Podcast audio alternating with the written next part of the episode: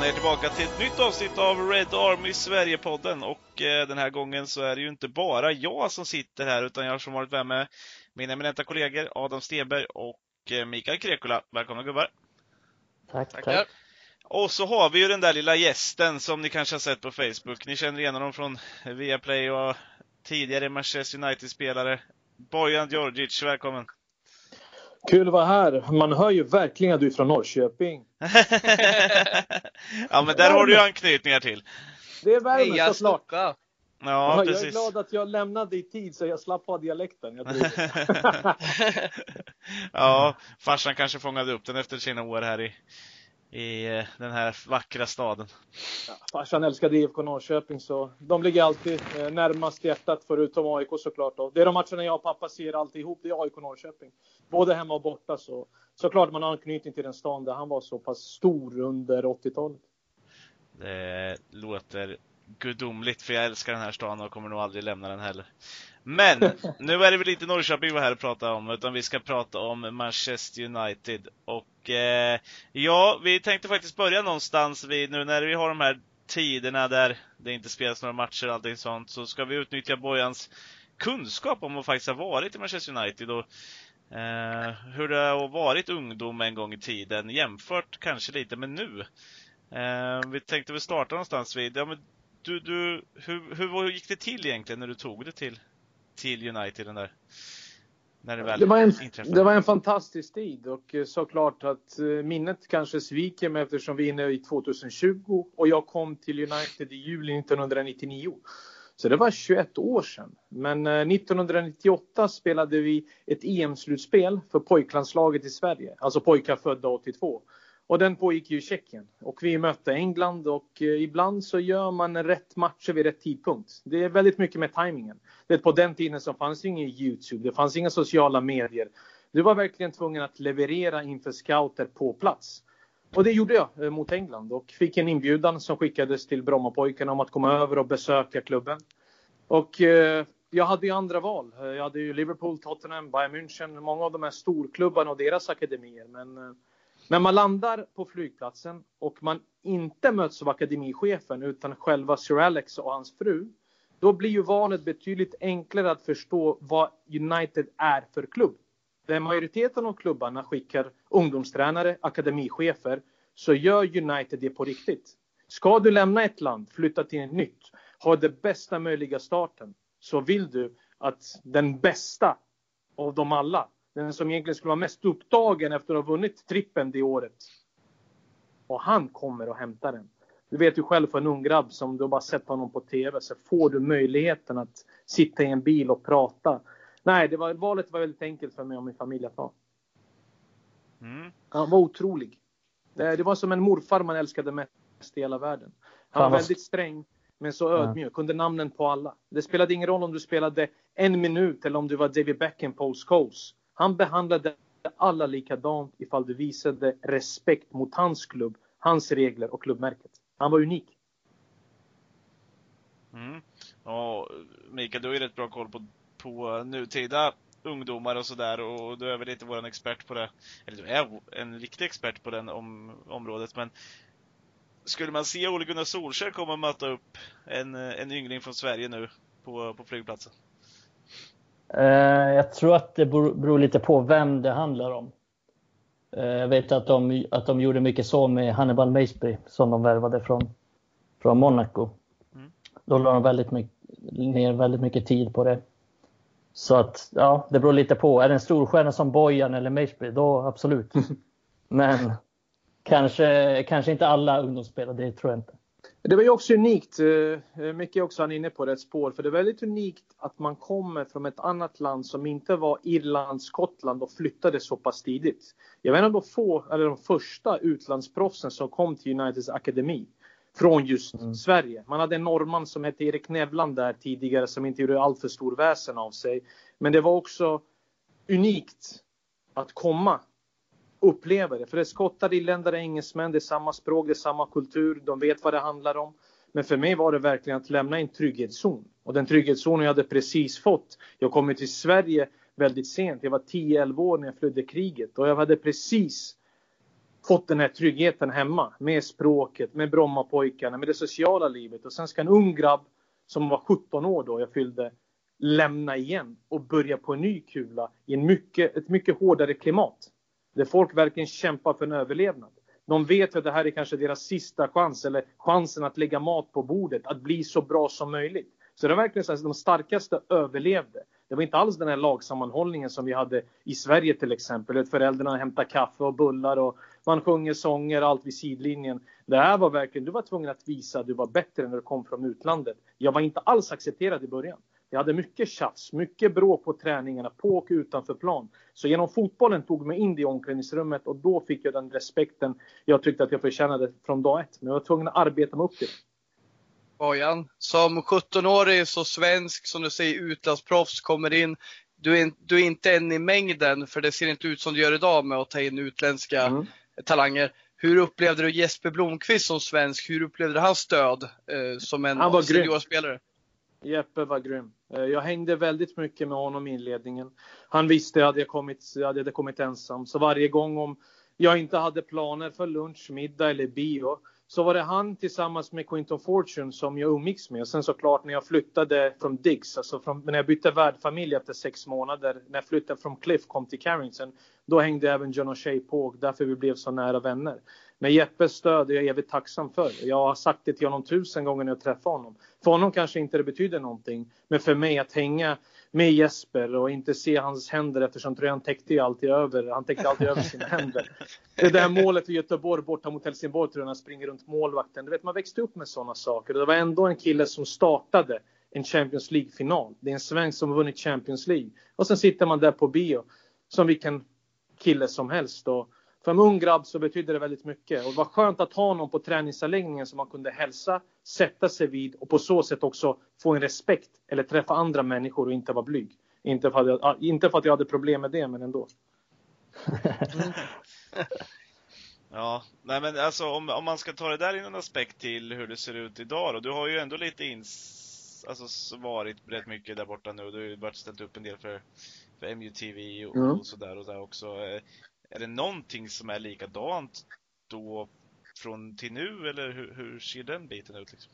Ja, det enda som är likadant för min del är att jag ser Kath.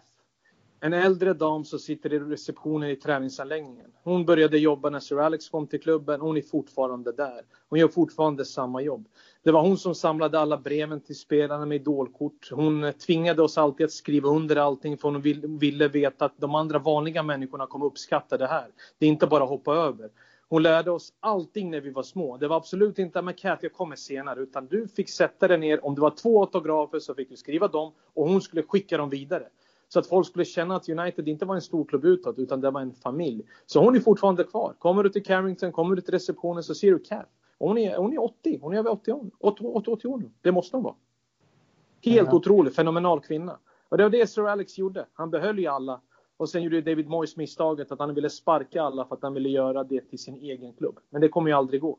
Det är bara att fortsätta rida på den här vågen. För det har tagit Sir Alex många, många år att skapa det vi älskade. Det vi lärde oss älska. Tryggheten både på och utanför plan. Och man ska aldrig förändra en klubb som har byggts från Sir Matt Busby vidare till Sir Alex på det sättet han ville göra när han tog över. Mm. Ja. Sånt där får man inte underskatta alltså. Vikten av det där. Alltså vissa grejer går bara inte att köpa. Jag menar ingen kan ersätta henne på det sättet. Hon blir ju som någon slags, som jag hörde och jag har ju hört om henne, ja precis. Eh, jag, hör, jag känner igen hennes namn om jag läste i Sir Alex självbiografi, men just det där. David Beckham, det är inget man ser utåt. Ja, fan vad häftigt liksom. Ja, jag, jag tror att det är viktigt att man har. Det är därför man älskar den här klubben. Ni förstår, fortfarande så finns det ju kvar, de här groundsmen, de är fortfarande kvar vissa från min tid. Och vi skapade så nära band, eller de skapade med hela klubben, U17, U19, reservlaget, så att vi alla fortfarande när vi ses så kramas vi, även om det har gått 10, 15, 20 år. Men det var en speciell tid att vara delaktig i det Manchester United som hade precis vunnit trippen.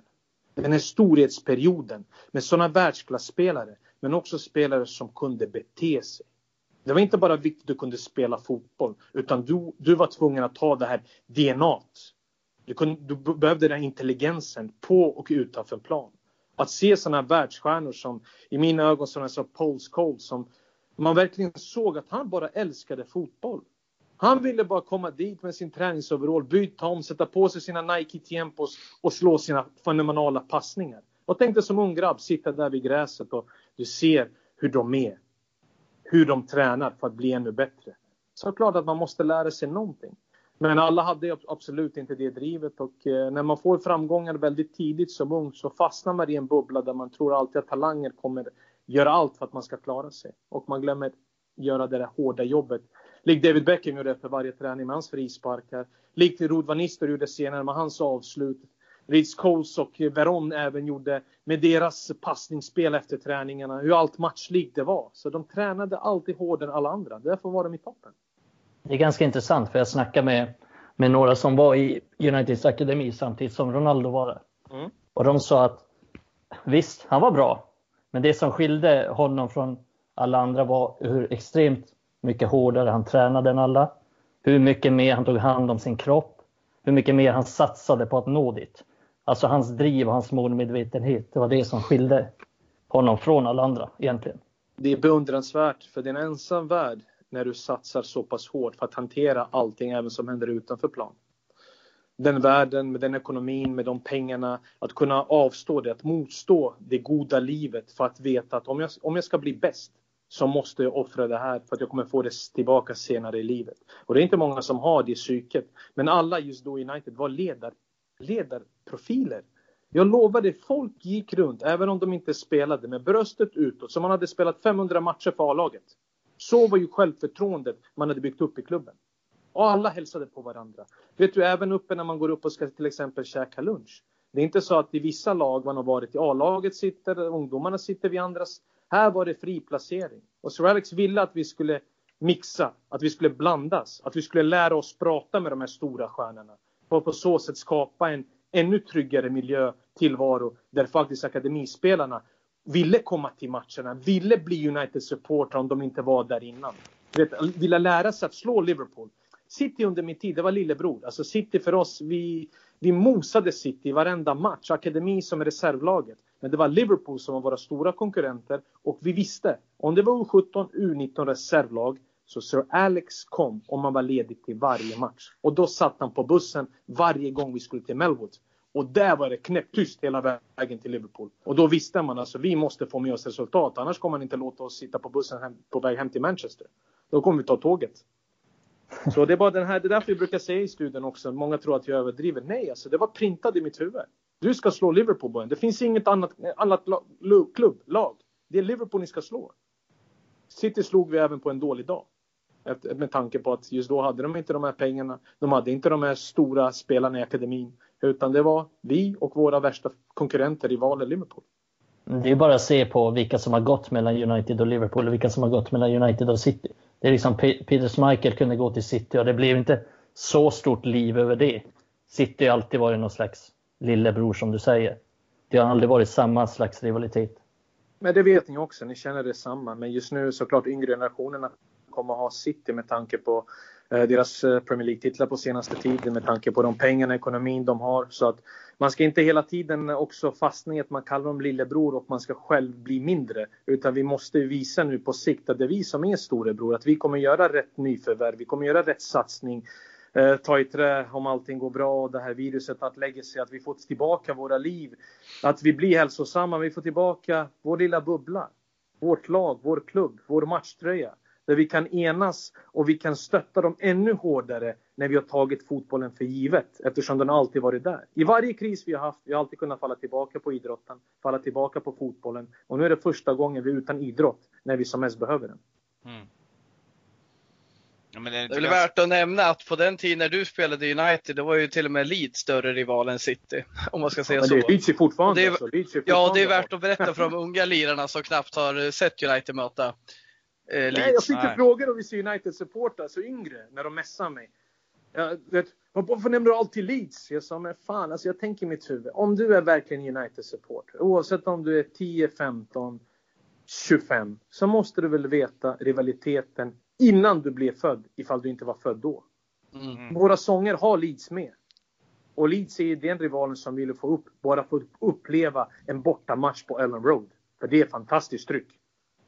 Exakt. Och även fast vi kanske inte är lika, förstå mig rätt, rädda för Leeds som man var en gång i tiden, historiskt, mm. för att en stor rival var, eh, så liksom, som så City är nu. Det är klart, det, det förändrar ju. Men i mitt tycke, jag blir inte, jag är ledsen idag för att United inte är vad de har varit. Men som rivaler, ah, fan jag mår jävligt mycket sämre när vi möter Liverpool fortfarande. Och City tar jag på all respekt, men fan alltså, för mig, det är ett luftslott i mångt och mycket, men skitbra. Mm. Men det är Liverpool jag mår dåligt över. Det är Liverpool-polarna jag aldrig kommer komma undan. Jag har kanske ingen City-polare heller, men det kanske talar för sig. Men Liverpool är det värsta och så var det med Leeds förr.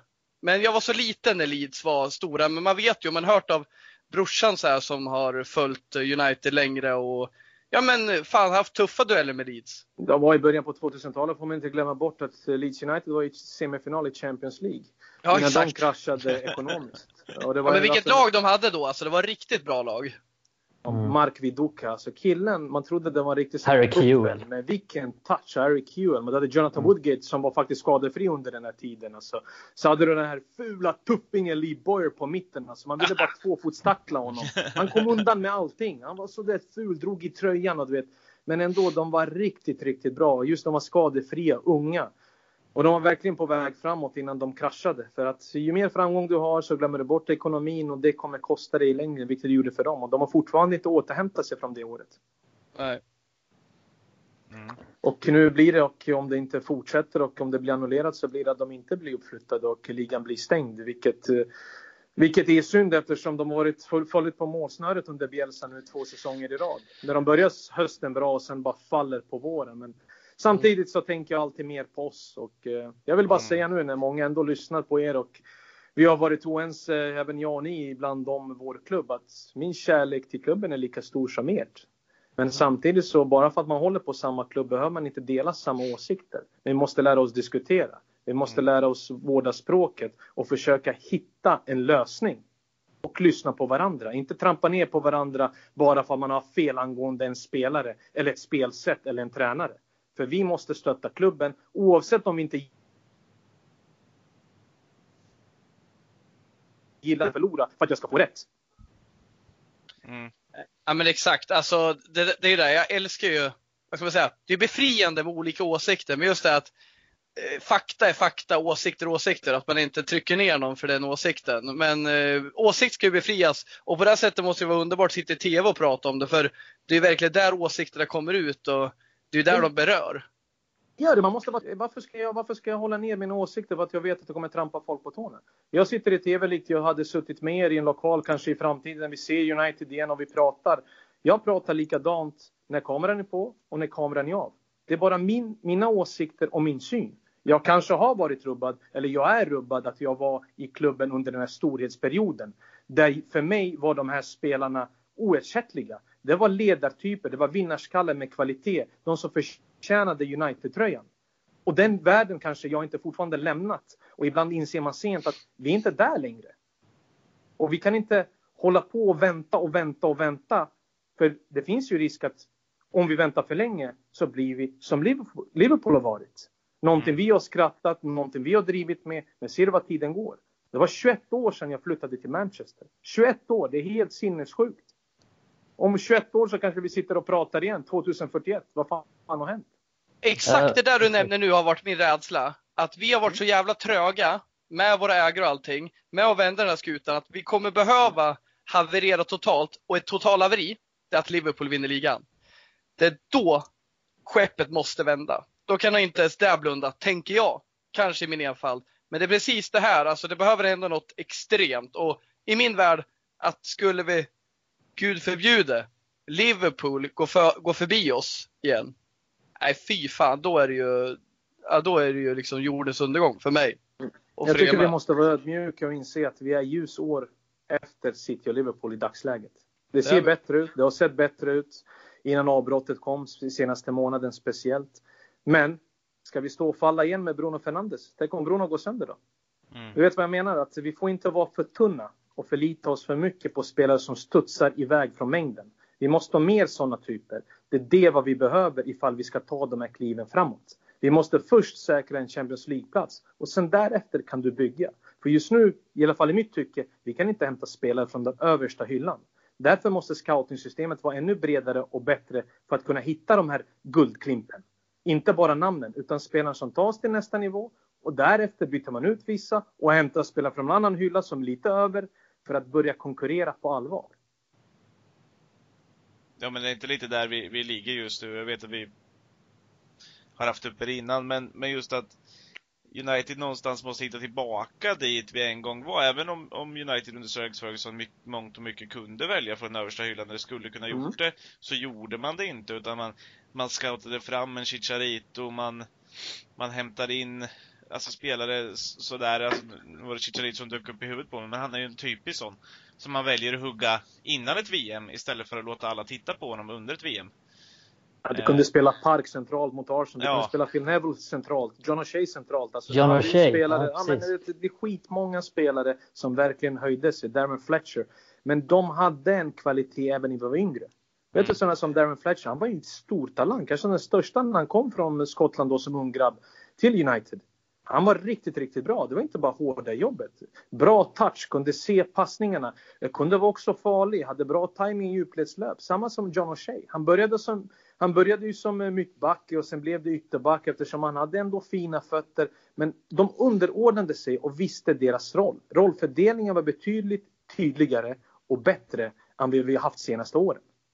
Och det är någonstans vi måste hitta tillbaka. Vi kan inte ge roller till spelare som inte kan axla den rollen. För att spela United, det är inte som vilken klubb som helst. Det är under luppen varje sekund. Varje träning, varje match så måste det vara på den högsta, högsta nivån, kvaliteten för att bli accepterad. Mm. Ja, men ja, det är där någonstans vi är egentligen. Och uh, Visst, vi har glidit ifrån kanske vårt huvudämne lite med ungdomarna där, men eh, jag tycker att det här är ett gott snack. Eh, däremot tänkte jag att vi kan ta med oss det här snacket nästan in i, i nästa segment. Inte för att jag vill avbryta någonting, men eh, vi, vi har tänkt att vi ska prata i alla fall om en spelare som, som faktiskt då hämtades in under José Mourinho. Mm. Eh, för att vara en, eh, en bärande spelare. Han har kanske inte riktigt uppfyllt det där fullt ut från att han kom och eh, har väl både av mig, Adam och Mikael sågats under hösten. Framförallt efter en, en svag start, men har gjort en, en uppresning eh, som heter duga nu under eh, den här sista tiden och vilket gör honom ja, högst aktuell. Och det är ju Nemanja Matic. Och det är just det jag gillar med er också, att det du säger nu, det är vad jag är ute efter. Att man kan faktiskt ta ibland tillbaka sitt ord. Du har ju rätt för stunden. Mm. Men också, man ska inte vara feg eller rädd för att ge någon beröm, beröm eller hylla när de faktiskt höjer sin högsta nivå. När de faktiskt blir nyttiga igen. Och det är det vad många gör. Bara för att han hade en dålig period så har du all rätt i världen för att kritisera eftersom det syns så tydligt. Men också måste vi vara beredda på, även om du kanske inte gillar honom i grunden, så måste du ge honom eloge, beröm, hur han har rest sig, hur han har tagit an sig den rollen i en svår period. Jag får, jag får lite känslan av att Matic behöver spela många matcher i rad också för att komma upp i form, så att säga. Utan han, är ingen, han är ingen som bara kommer in en match och sen superbra. Utan han måste kanske spela sex, fem, sex matcher i rad. Håller du med om det? Du, du är helt rätt inne och jag tänkte ta er tillbaka till eh, 2018. 2018 så spelade Serbien eh, VM-slutspel. Eh, man åkte ut i gruppen och Nemanja Matic spelade under smärtstillande för att kunna klara av det, för att ställa upp för sitt land. När VM var avslutat så flög han direkt till USA då United befann sig på träningsläger under den tiden jag jobbade på MUTV. Och eh, snabbt efter en eller två träningar så tog man beslutet att det gör för ont, han måste opereras. Och då skulle Nemanja Matic opereras i USA och ha en rehabperiod som man skulle vara nästan borta under hösten. Men eftersom José Mourinho verkligen älskade Nemanja Matic eh, han fick ju aldrig efter sin skada träna sig i form utan han blev slängd in i den här rollen och spelade. Och det som Nemanja säger till mig att det är inte så att man knackar på hos sin tränare och säger nej nu får du spela någon annan. Jag är inte tillräckligt bra. Och han sa också att du vet ju att jag alltid varit en träningsspelare där jag måste vara skadefri. Jag måste träna och jag måste få kontinuitet i ett matchande. Men i England när det inte finns rum nästan tid för träning, när det blir bara matcher, så märkte jag också att jag hade tappat den här halvmetern. Att jag inte hann upp i duellspel, att jag inte kunde täcka ordentligt. Och jag blev ju hämmad själv. Men många pratar inte just om den biten. Men den biten gjorde så också att jag tappade min plats. Och när Olle Gunnar tog över så valde han ju Scott McTominay där. Och det fick vi Nemanja Matic såklart veta. Och det kände vi alla. Oavsett om det stod i tidningen, det kände vi på oss. Mm. Men som han sa till mig, jag har aldrig varit den som tycker synd om mig själv. Såklart, det var ett tufft beslut. Men så länge jag hade kontrakt någonstans så ville jag faktiskt hedra det. Jag ville vara det proffset som skulle vara tacksam för att jag får utföra ett jobb som jag alltid drömt att göra. Och en av världens största klubbar. Och sen kom ju Scott McTominay skada. Och där kom ju min chans. Och chansen tog jag och jag kunde ha kontinuitet eftersom jag valde att på träningsplan göra saker rätt. För många andra som i mitt tycke man tänker, men jag är serbisk landslagsman, jag har vunnit Premier League med Chelsea. Hur kan någon yngling gå före mig? Och då skiter man i sin träning. Då skiter man i det här proffsiga sidan, utan man bara längtar efter en flytt. Men det gjorde inte han. Eftersom han är en hårt arbetande kille. Den har varit sedan jag känt honom när han var i Röda Stjärnans akademi. När jag var i A-laget på lån där 2003-2004. Och han fick ju den här chansen och han har verkligen tagit den. Och han var några timmar ifrån att flytta eftersom han hade ett kontrakt på bordet som han ville acceptera. Vi behöver inte gå in vilka klubbar det är, men det var utomlands. Och sen hände det här. Och det var nästan som en blessing in disguise. Och eh, jag är glad att jag kan berätta det här, bara så att folk ska förstå att det är ett proffs bakom. Att det är verkligen en kille som gör allting rätt, även när det är tufft. För vi pratar med erfaren spelare. En spelare som skulle kunna kasta in handduken och vara missnöjd över behandlingen. Men han gjorde allting rätt och nu får han det berömmet han förtjänar för det hårda jobbet och hur mycket han har slitit både på plan utanför mentalt att komma in i form. Ja, jag, har också, jag har läst om, om det och eh, nästan alla i United och runt om United, vad jag har hört, eh, säger att han är väldigt populär i omklädningsrummet. Att han alltid tränar hårt, är professionell. Alltså han liksom, även fast han har varit petad så har han aldrig ställt till med några problem eller så. Utan aldrig. Alltid, alltid varit aldrig. proffsig. Ställer upp på intervjuer, alltid leende på, försöker Eh, pusha, pusha de här yngre. Alltså han, han är ett, ett proffs ut i fingerspetsarna. Och det är just om du kollar igenom hans karriär. Eh, det vi minns, vi minns Benfica, Chelsea, såklart United nu. Men kolla vilken omväg han har bara haft för att nå någonstans. Han blev ratad både i Röda Stjärnan och sen skulle han gå till Partizan Belgrad trots att han är Röda Stjärnans supporter. Fick aldrig spela i Serbien, visa sig, utan genom Slovakien ta den här långa omvägen. Så han sa att jag alltid varit tacksam för en andra chans och även om jag inte spelar så tänker jag inte göra mig själv och min familj besvikna över att jag inte är ett proffs. när nu får jag möjlighet med de här pengarna, med den ekonomin. Det finns ingen plats i världen, ingen chans i världen att jag kastar in handduken. Utan jag gör mitt jobb. För förr eller senare, hårt jobbande människor utan talang eller med talang kommer få det här ljuset i mörkret. Och det har han verkligen fått nu. Och han är inte någon yngling. Och det är därför imponeras jag verkligen av det tankesättet. Och då värmer det mig som United-supporter att veta att vi har sådana spelare i truppen som har klarat av en, verkligen en motgång och väldigt mycket kritik från alla håll och kanter. Mm. Ja, det är intressant. Alltså hans, eh, han gjorde väl sin comeback mot Burnley va, tror jag, eh, i december. Eh, ja, men det var jag kommer ihåg att han, jag kommer ihåg att han gjorde en bra match som fan den matchen och jag har ju varit kritisk till han under hösten, eh, vintern. Dels för McTominay gjort bra ifrån sig, man liksom föredrar honom.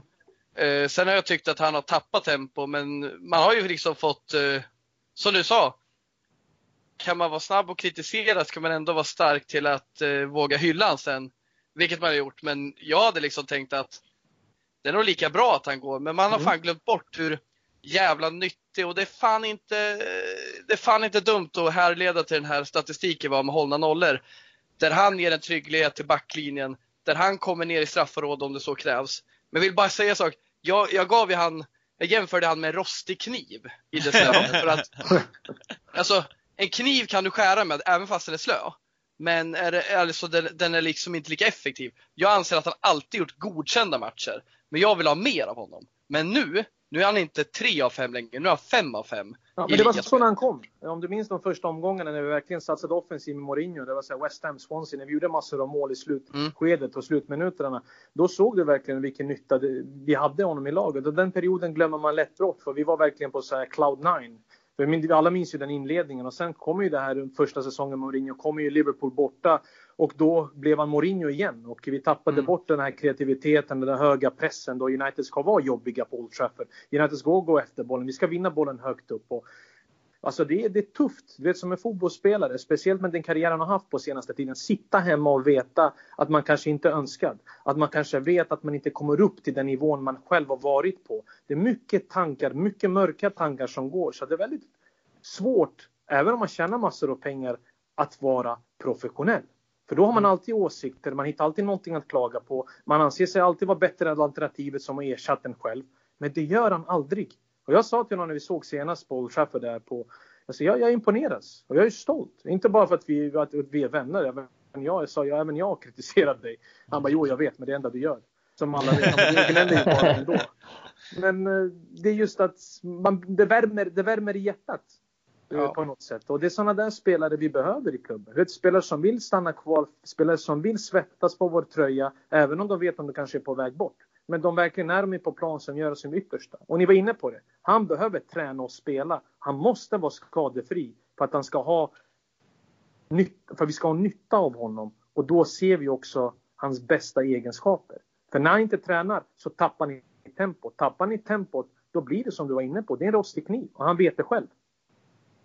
Ja, han vet det själv. Han vet vad han kan förmå. Han kämpar. Det är fan värt mycket alltså. Att han vill kämpa sig fram. För det är där jag tycker att eh, vi har snackat om dålig värvning och så här tidigare. Darmian, Depay, bla bla bla bla. Ja men det är för att de inte, de har inte huvudet och de vill fan inte. Och de tar hellre en enkel flytt då. Men Matic, det ska han ha och han är ju verkligen han, har skapat sig ett nytt liv i United. De ja, det är självklart han ska förlänga liksom, kontraktet med, med det han visat nu. Mm. Och... och lite så här, jag tycker inte det, det har väl aldrig varit riktigt problem att man inte sett att han har velat, att han inte har kämpat. Men det var som vi sa då, framförallt kanske i starten av den här säsongen när han fick spela lite och sådär. Att han, han såg ut lite som ett Silja skepp som mm. försöker vända i hamnen. Ja men alltså det, det, det när, det är när inte när, självförtroendet precis. på topp och du är otränad. Du, jag, sen han var liten har det varit samma sak. Så fort han inte släpper bollen efter andra tillslaget och lägger ut högerarmen, bommen, för att täcka då vet du att han är inte i form. Då vet du att han är trött. När han är i form, när bommen kommer ut, så studsar han fram. Och då försöker han också slå de här passningarna igenom mittfältet på motståndarna.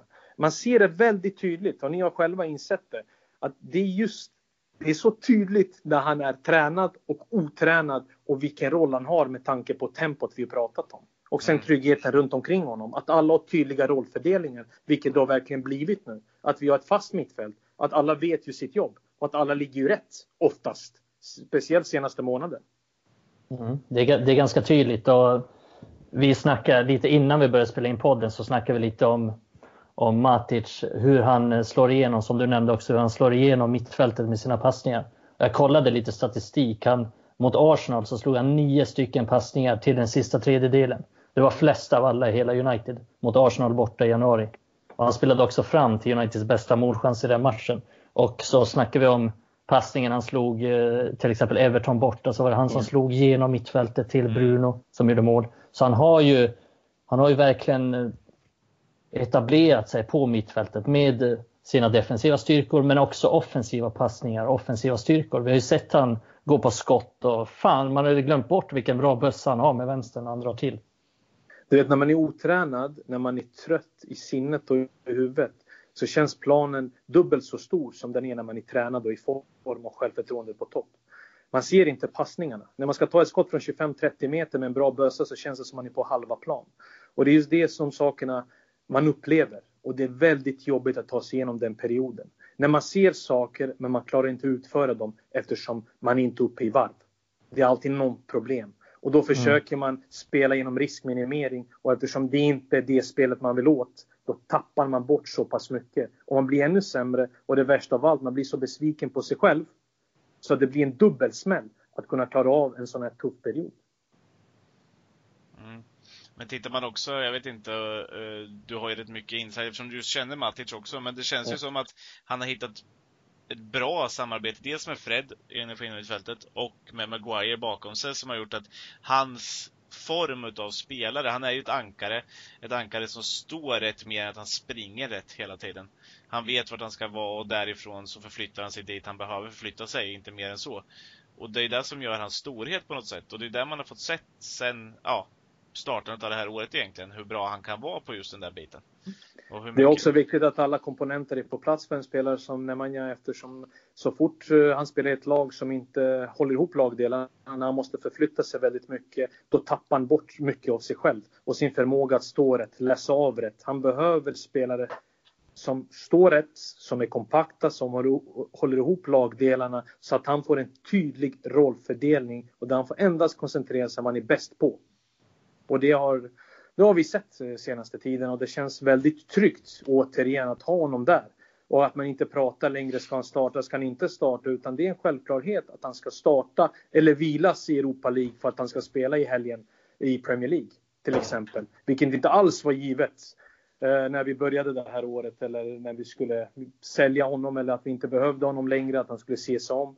Så det är imponerande att spelarna kan gå igenom den trans alltså transaktionen och eh, det var viktigt för mig att kunna berätta det här så att folk ska verkligen förstå att oavsett de här pengarna, de bortskämda, så finns det fortfarande de som tar United, som tar sitt jobb på det fullaste allvar och visar respekt som man ska göra varje träningspass. Ja, det förklarar jävligt tydligt om varför han liksom haft det tufft nu också. Han fick ju ingen bra start där liksom och samtidigt så börjar McTominay visa sig när han mm. väl har möjlighet att komma tillbaka. Så. Jätteintressant att höra. Och just Matic är verkligen han har rosat marknaden nu och det är ju en liksom, eh, vill han bara skriva på ett kontrakt nu så tror jag han har det. Eh... Jo, det, det kommer ju. De kommer ju vilja förlänga det. Han har automatiskt de förlänger med ett år, men eh, jag tror också att han kommer sikta på två och eh, med tanke på att man måste vara väldigt tydligt hur man ser på honom, vilken roll han kommer ha. Att det inte blir någon besvikelse ifall någon annan ska kanske ersätta med att han då spelar en viktig roll eftersom vi behöver bredd. Så man måste kommunicera på ett bra sätt. Man ska inte lova för mycket till fotbollsspelare, någonting man inte kan eh, utföra, någonting man kan eh, göra möjligt. Utan man måste vara tydlig just nu i det läget. Hämtar man spelare, skriver man under med lite äldre spelare vad man anser deras roll vara Och vilken betydelse de kommer att spela i framtiden. Jag tror att det är viktigt också just med Matic att vi har den typen av spelare i United idag. Att vi har saknat så många spelare som är, han är, alltså, jag säger inte att han är en stor ledare, men han är ändå någon slags ryggrad i ett lag. Mm. Han är ändå en stöttepelare skulle jag säga. Och vi har saknat det är bara, det är bara lite den typen. Stor. Dels det. Men också vi har Han ser ut som en pelare. Ja, ja, faktiskt. Han är ännu längre när man ställer sig bredvid sig på plan. Han ser stor på plan, men när du ser honom live, då tänker du att det tar lite tid att ta sig förbi den här bussen. Alltså. och de har armarna, det är som Dalsim, det gamla spelet på Street Fighter. Alltså. Ja, just det. Allt möjligt, varje hörn. Ja, det jävla benranglet i Street Fighter. Street Fighter, det var, det var riktigt spel. Dalsim, poff, långa ben, armar. Nej. Serbiske Dalsim. ja, vi gick ja. alltså från United till Street Fighter. Men du var inne på något, Mikael. Fortsätt. Eh, vad var jag inne på? Ja, just det. Nej, men att vi har ju haft så jävla många spelare som kanske inte har haft den mentaliteten. Den, Adam var inne lite på det med Darmian och, och Memphis Depay som kanske inte ville lägga ner så mycket tid och kärlek på United.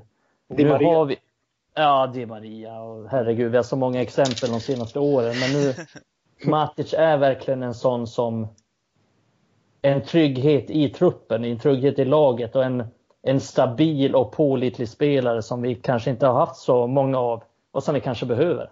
Mm. Nej, jag, jag, håller, jag håller fullständigt med dig och det är just det med skärmen att hålla på samma klubb, att vi kan skifta våra åsikter. Men eh, samtidigt så måste vi säga saker när de är bra, men vi måste också vara tydliga med någonting vi tycker är dåligt. Och eh, det är väl, det spelar ingen roll vilken nivå vi lägger oss på. Det, klubben, fotbollen för oss betyder ju allting. Det är vårt liv, det är vår passion. Alltså det är då att tiden står still när vi är på Old Trafford eller på någon bortamatch, när vi sitter i soffan eller i en lokal och med, vår, med våra polare. Alltså vi lever en och samma dröm. Vi vill åt samma håll. Vi vill att United ska vinna. Och jag vill alltid att United ska vinna. Det spelar ingen roll om det var Mourinho som jag inte gillar. Det spelar ingen roll om det var David Moyes, van Gaal. Jag vill inte att det ska gå dåligt för att jag ska ha rätt, att vi inte är på rätt väg. Jag vill fortfarande ska vinna matcher. Jag är inte där för att lämna Old Trafford och säga vad var det jag sa? Vad fan, vilken supporter gör det? Vilken ja. supporter vill inte att hans klubb ska vinna bara för att han inte tycker om vissa spelare eller vissa ledare? då, är vi inte, då, då för mig är det ingen supporter, om jag ska vara helt ärlig. Nej, det där man, blir vidrigt. Det blir ju vidrigt och man kan ju aldrig ljuga att man inte så här, någon gång under det här, man var så trött på Ole ett tag där man kände så här, man fick inte ut det man ville utav laget, det man såg i laget.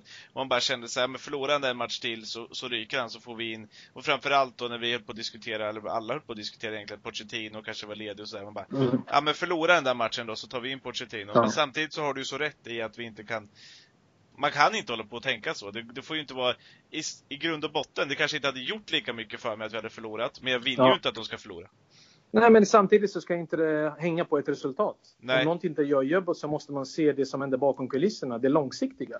Kortsiktiga, med den truppen, med de spelarna så kan du få resultat. Men vi måste se det här över en längre period av tid. Att det är inte bara på ren tur. Det är inte så att vi vunnit på Lotto senaste månaden, utan vi måste vara konsekventa i våra prestationer och jämnare i våra prestationer över en längre period. För vi är inte Sheffield United, vi är inte Everton, vi är Manchester United. Vi kan inte ha plattmatcher. Vi måste ha plattmatcher där vi kan ändå plocka poäng. Att man ser ändå en stabilitet och inte efter en dålig resultat att vi faller ihop som ett korthus. Nej, och det är därför som du säger att vi inte bara kan förlita oss på Bruno i framtiden. Vi måste ha en bredd där. Eh, som man har haft genom tiderna. Fe fyra femstjärniga spelare, inte bara två liksom. Vi måste ha bra spelare på alla, eller, och framförallt en taktik som inte förlitar sig bara på en spelare. Eh, som det ser ut idag så är Maguire borta, då är ju hela backlinjen rätt dålig egentligen. Med eh, Bruno borta, ja, vi behöver inte ens gå in på den kommentaren, vad som händer. Det är ja. det som också varit faran. Vi, vi, måste, vi måste börja tänka långsiktigt och vi måste ha ett bättre scouting-system. Eh, jag tycker faktiskt vi behöver få in en director of football. Någon med fotbollskompetens. Någon som kan faktiskt hjälpa ledarstaben, om det är Olle eller vem som helst som det blir kanske i framtiden om man inte är kvar. Någon som tar rätt beslut, som tar oss på den rätta vägen. Där vi kan känna att nu kommer vi få vår klubb tillbaka. För även om jag mår bra av den senaste månaden innan all den skiten hände. Eh, så har jag fortfarande inte den känslan. Att jag vet inte hur säsongen 2021 eller 2022 kommer se ut. Nej. Vi kollar, jag ser inte nästa steg. Och jag vill ha den här känslan tillbaka. Jag vill inte vara oviss längre.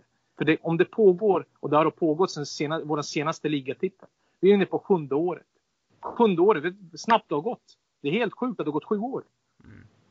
Ja, sju helt år plötsligt. kommer försvinna snabbt igen. Helt plötsligt så är man Liverpool. Som, ja. de, var, som de var innan de senaste i två år. Så det, är, nej, det gäller att ha den självinsikten och ha den respekten för att det kan gå åt helvete om man inte gör rätt saker. Det är, liksom, det är ingen garanti för att vinna titlar bara för att vi är Manchester United. Man måste ta in rätt spelare, ta in rätt folk, ha rätt kompetens. Och det har vi inte haft. Att vi sjunger alltid 20 times, 20 times Man United. Men eh, uh, 20 times kan försvinna väldigt snabbt. Uh, våra ärkerivaler är på 18 och uh, hur de har byggt upp de senaste åren och vad de är på väg. De är ett steg före oss. Och om mm. två, tre säsonger så kan de vara jämnt med oss eller förbi oss. Och hur kommer känslan vara då i kroppen? Hur kommer vi ta oss an sån kris? Det får vi inte tillåta. För vi måste bygga rätt. Vi måste börja någonstans. Och vi kan inte sikta på 80 namn varenda transferfönster. Jag vill se Nej. namn som dyker upp när de är klara. Vi är länkade med alla. Och det är det som ibland jag blir så trött på när man loggar in på de här sociala nätverken eller öppnar. Hur många spelare var vi inte länkade i sommar och vad fick vi? Ja, och det handlar ju om en ny sportchef liksom, som du nämner. Det är ju där det börjar. För jag ser ingen, liksom, jag ser ingen, jag ser ingen potential på ens tio år om vi ska ha Ed Woodward som sportchef. Det måste till något nytt. Och det värsta i det här, det är att Ed Woodward och de som drar i hans eh, trådar ovan honom, de, har ju absolut ingen avsikt att eh, avsätta Woodward, som de tycker är ett bra jobb. Och Nej, Woodward är själv VD. Själv, liksom. Jag skulle själv ha självinsikt. När jag ser att vänta, jag har tagit hand med ett jobb som jag inte klarar av. Vi blir ju sämre. Ja, han behöver inte lämna klubben. Han är bra på den andra sidan. Marketing, marknadssidan. Ta ett steg tillbaka och gör allt i din makt med våran budget, med vår ekonomi att hitta det rätta namnet. Där du minskar press på dig själv och kan koncentrera dig du är bäst på. För det är inte att värva spelare och det är inte att ha kontakter med rätt spelare. För allting ja. händer ju fem i tolv. Och allting händer alltid för sent. Bruno, Bruno borde vara här för länge sedan. Vi har skrikit efter det. Jag verkligen önskar att det var så, att han hade den insikten. Och vågade ta det beslutet. Men det är av samma anledning som en spelare inte går in till tränaren och klackar på sig att man inte är bra nog. Det är det som är så jävla äckligt det där. Men jag håller med jag... dig. Fan, till och med jag med min hybris hade ju haft den självinsikten efter så många år. Nej men nu Boja, nu får det fan räcka. Alltså. Jag kör ju ner den här klubben. Och vem ska jag visa det här för? Supportrarna kommer ha mer respekt när de har en ledare som säger jag är kvar i klubben, jag sköter sponsorerna. Men jag hämtar en Erwin van der Sar till exempel. Ja. Och vi börjar om. Vi ger oss själva en möjlighet. Alla kan ju inte fotboll. Vi tror ju att vi kan. Men på insidan, när det handlar om kontakter, spelarförsäljning, spelarköp, då måste du ha ett namn som kan det här. Ja, men det är ju så. Och jag skulle fan inte göra ett bra jobb som revisor kan jag säga. Nej. Nej, men inte jag heller. Nej. Det är det, det är det jag menar. Och det är det jag önskar ibland av de här ledarna ibland. Men det är nästan som att man driver sin egen agenda. Att man visar nu kommer det gå bra. Och nu tror man att allt ska vara förlåtet eftersom vi har fått Bruno. Men vi får inte glömma bort det riktiga problemet. För det här kommer att hända igen. Och vi slösar ännu ett transferfönster. Ännu ett år. Två år. Och så får det inte ske. Mm. Word. Ja, det är ord på den. Eh, nej, jag tänker väl så här då att vi har ju faktiskt haft en tävling som mm. eh, ihop med den här podden, eftersom du skulle gästa Sobojan och där skulle man ställa lite frågor till dig. För det första tänker jag väl att eh, den som eh, har vunnit borde lyssna nu.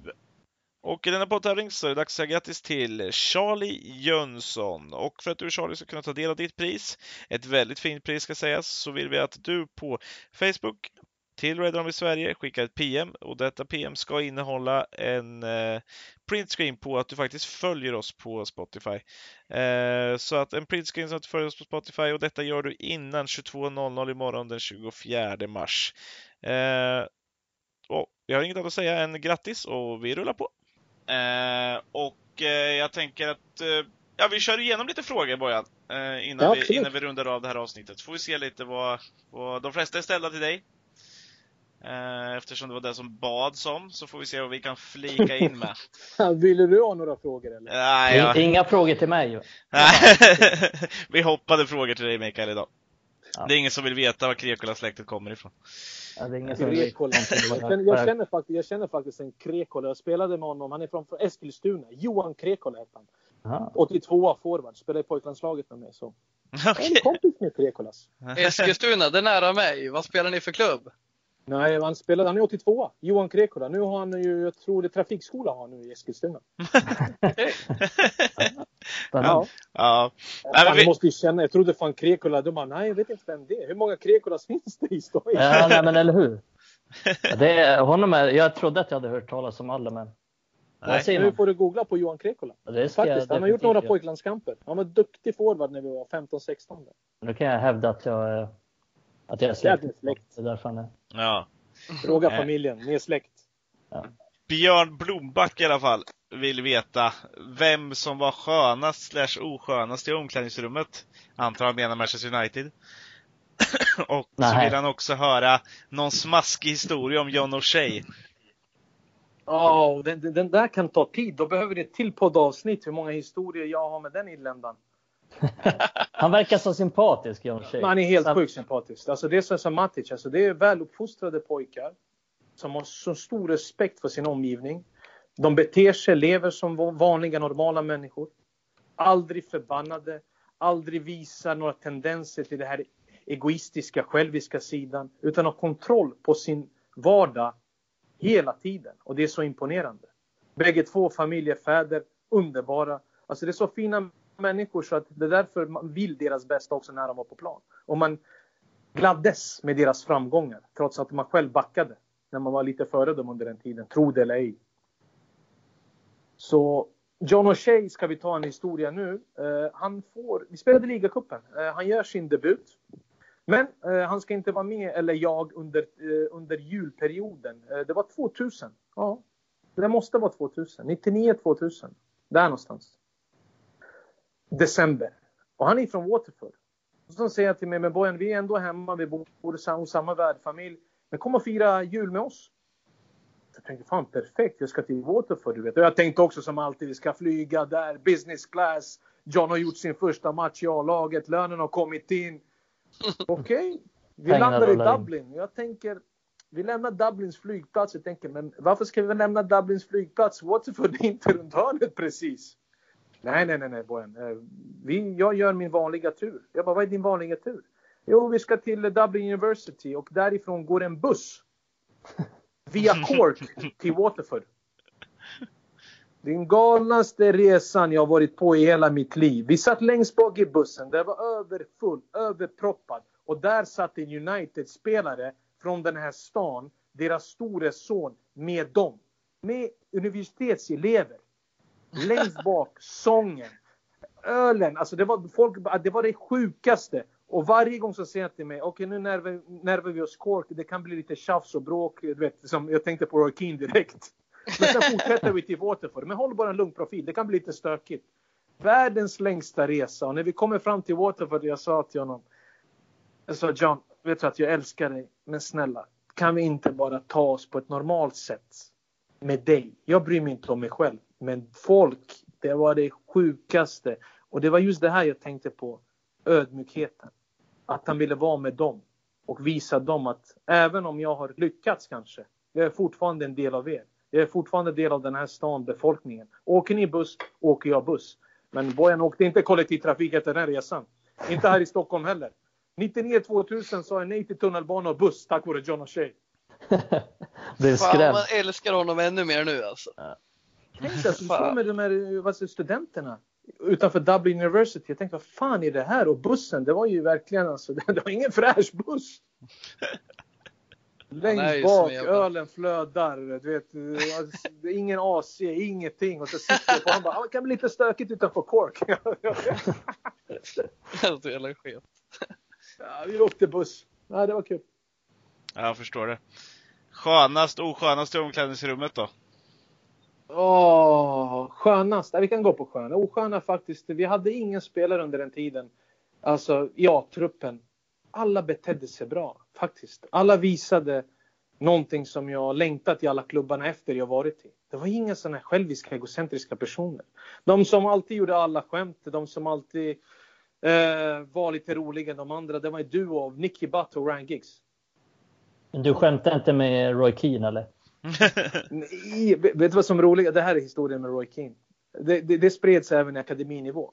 Vet när A-lagsspelarna kom in och de, de försökte få sina tröjor signerade, då kom de alltid in till andra omklädningsrummet eh, till juniorerna och sa ah, men grabbar här är tröjorna, stå bara ute och sen fixa autograferna för alla. Och absolut inga problem. Sen efter ett tag, första gången jag stod där med matchtröja, så säger de göm dig! He's coming! Jag bara, vem fan, vem fan är he's coming? Roy Keane kommer, vet, han hatade allt möjligt om det var sponsortröjor. Enda tröjan han skrev på, det var verkligen om det var dina egna.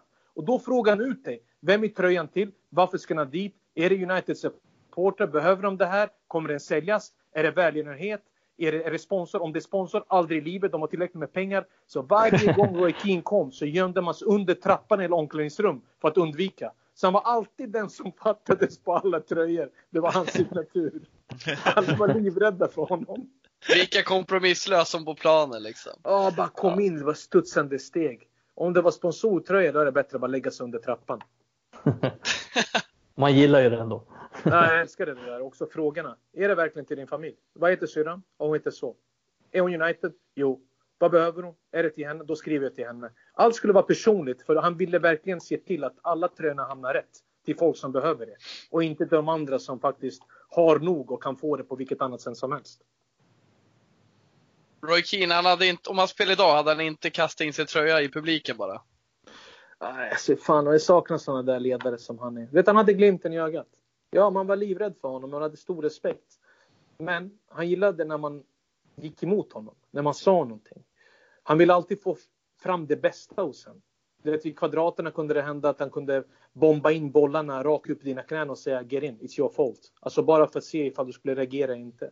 Han sa alltid du måste kunna hantera de här motgångarna, du måste kunna hantera den kritiken ifall du ska vinna titlar åt den här klubben. För det enda vi gör här, sa han, vi är vinnare och vi vinner saker. Och det var tydligt. Hans lag förlorade aldrig. Jag lovar, jag minns inte ett enda gång. Om det var keepball, om det var smålagsspel. Hans lag förlorade aldrig. Det är han jag sitter bara och ler när du säger det här alltså. Det är, han Nej, det är sann historia. Alltså, det är ingen sån här solskenshistoria. Så, så var Ah, shit. Så visst, du var med honom. Du behövde inte vara bra på träning. Du visste att du skulle vinna och det var det viktigaste. Han satt i nivån liksom. Ja, men det är så sjukt. Det är så kul att höra från dig också som varit där på plan med honom liksom. Nej, han var otrolig. Den enda spelaren som jag verkligen hoppades på skulle lämna ett större avtryck var Juan Sebastian Veron. Uh, ni förstår inte hur bra han var. Vet du att alla ungdomsspelare hade tejp runt deras knä för han hade problem, han hade slatter. Alla kom ut med vit tejp och alla ville ha Asics-skor. Ingen ville ha Nike eller Adidas längre. Så bra han var på träning. Så bra var han när han kom. Hans touch, bollar, ja, det var, han var fenomenal och jag önskade att han kunde lämna större avtryck än vad han gjorde. Varför tror du att han inte lämnade större avtryck? Vad gick fel? Eh, komma från Serie A, även om Serie A var en av världens bästa ligor, betydligt bättre än vad det är nu, eh, mer konkurrenskraftig. Det var, att, eh, det var en annan roll där du hade betydligt mycket mer tid. Eh, United så startade han, om du kollar på hans matcher när han kom, han var fenomenal. Men så började man läsa in sig på honom. Man började sätta spelare som skulle markera, gå in i dueller. Och vad man gjorde då också, Fergie under den tiden för att få plats med alla, tryckte upp Scholes bakom Van Nistelrooy. Kommer du ihåg? Vi spelade ju 4-4-1-1 under den tiden. Och det blev så att vi tappade en anfallare bara för att få den triangeln. Så den kunde man aldrig få fungera. För vissa matcher var han ju bäst på plan. Men så fort man började markera bort honom, var nära i hälarna eller haserna, så tappade man eh, Veron på ett sätt som, ja det svider fortfarande eftersom vi njöt av att se honom i träning. Alltså en kvadrat med Juan Sebastian Veron, man tänker vad fan håller jag på med? Vad är det för idrott jag utövar? jag kan tänka mig att han var, jag kan tänka mig att han är en sån som är så sjukt bra när han, på träning och när han får mycket tid. Och... Alltså hans känsla, du vet att han och David Beckham kunde stå på Carrington på en träningsplan på varsin sida, eh, varsin sida, alltså på planens bredd. En på vänster, en på höger sida och hålla bollen i luften. Alltså med volleys, touch, volley, touch, volley. Det, det var helt sjukt vilken nivå det var. Du vet, det är nu först vet, när man sätter sig ner och blickar tillbaka och då tänker jag, vet du, jag skiter i att folk säger eller kritiserar mig. Bara två matcher, bara två matcher. Du vet, allt, allt det man har hört. Vad jag har mm. fått uppleva skulle jag aldrig i mitt liv byta bort och få en bättre karriär eller mer speltid någon annanstans. Jag lärde mig att andas och jag lärde mig hur det kändes att vara del om det största. Och det var Manchester United och de spelarna. Jag kan, jag kan tänka mig... så mycket om livet utanför plan, inte bara på. Jag kan tänka mig det att du lärde dig så sjukt mycket som människa också när du flyttade hit så ung.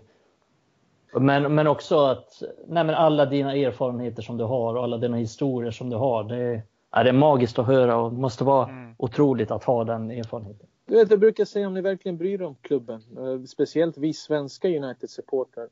Hur har ni då mage ibland att kritisera en svensk som har bara spelat? Jag kom dit som ungdom. Vi har haft en kille som har spelat i Manchester United. Kan vi inte bara vara glada över det? Mm. För den kritiken jag fått här har jag inte fått i England. Det känns ibland som att man är mer uppskattad i Manchester än i Stockholm eller i Sverige bland United-supportrarna. Och ibland såklart har det gjort ont i mig. För att jag tänker att nej, mina historier har hänt. Det har jag upplevt. Jag har varit Jimmy Murphy Young Player of the Year. Det är inte vem som helst heller. Och varför ska jag inte kunna nämna någonting som så stort? Varför måste det alltid, nu ska han snacka om sina United. Och vad gjorde han där då? Jo, jag var 18 år när jag debuterade i Premier League. Det är ändå ganska stort. Och det gör man inte bara på snack. Och jag älskar klubben verkligen. Och även om ni inte håller med mig vad jag ser i studien ibland. Så är jag en av er. Jag vill exakt samma saker som ni vill. Och jag är alltid öppen för diskussion. Jag är alltid öppen för frågor. Men jag är inte öppen för kritik som är obefogad. För jag kan ju lätt vända mig och säga, hur många har ni? Exakt. Hur många Premier League-matcher har ni mm. spelat? Hur många akademimatcher har ni? Eller hur många gånger har ni haft United-tröjan på er och gått ut och spelat och representerat den klubben? På vilken nivå som helst. hur, många hur många tacklingar har du fått av Roy Keane? Ja, många, det, det är inte många, många jag gillade att dribbla mer. Innan mina ja, skador kom så var jag mer dribbler. men, men Bojan, det är som, eh, det är som Björn Afzelius sjunger. Ingen älskar ett barn som inte lyckas. Ingen älskar ett barn som är starkt. Och det är väl precis så svenska funkar i mångt och mycket. Att man har ju problem med folk som lyckas, men de som inte lyckas heller, de har man ju inte sen och kritisera och snacka skit om. Men det är ju det finns ju de.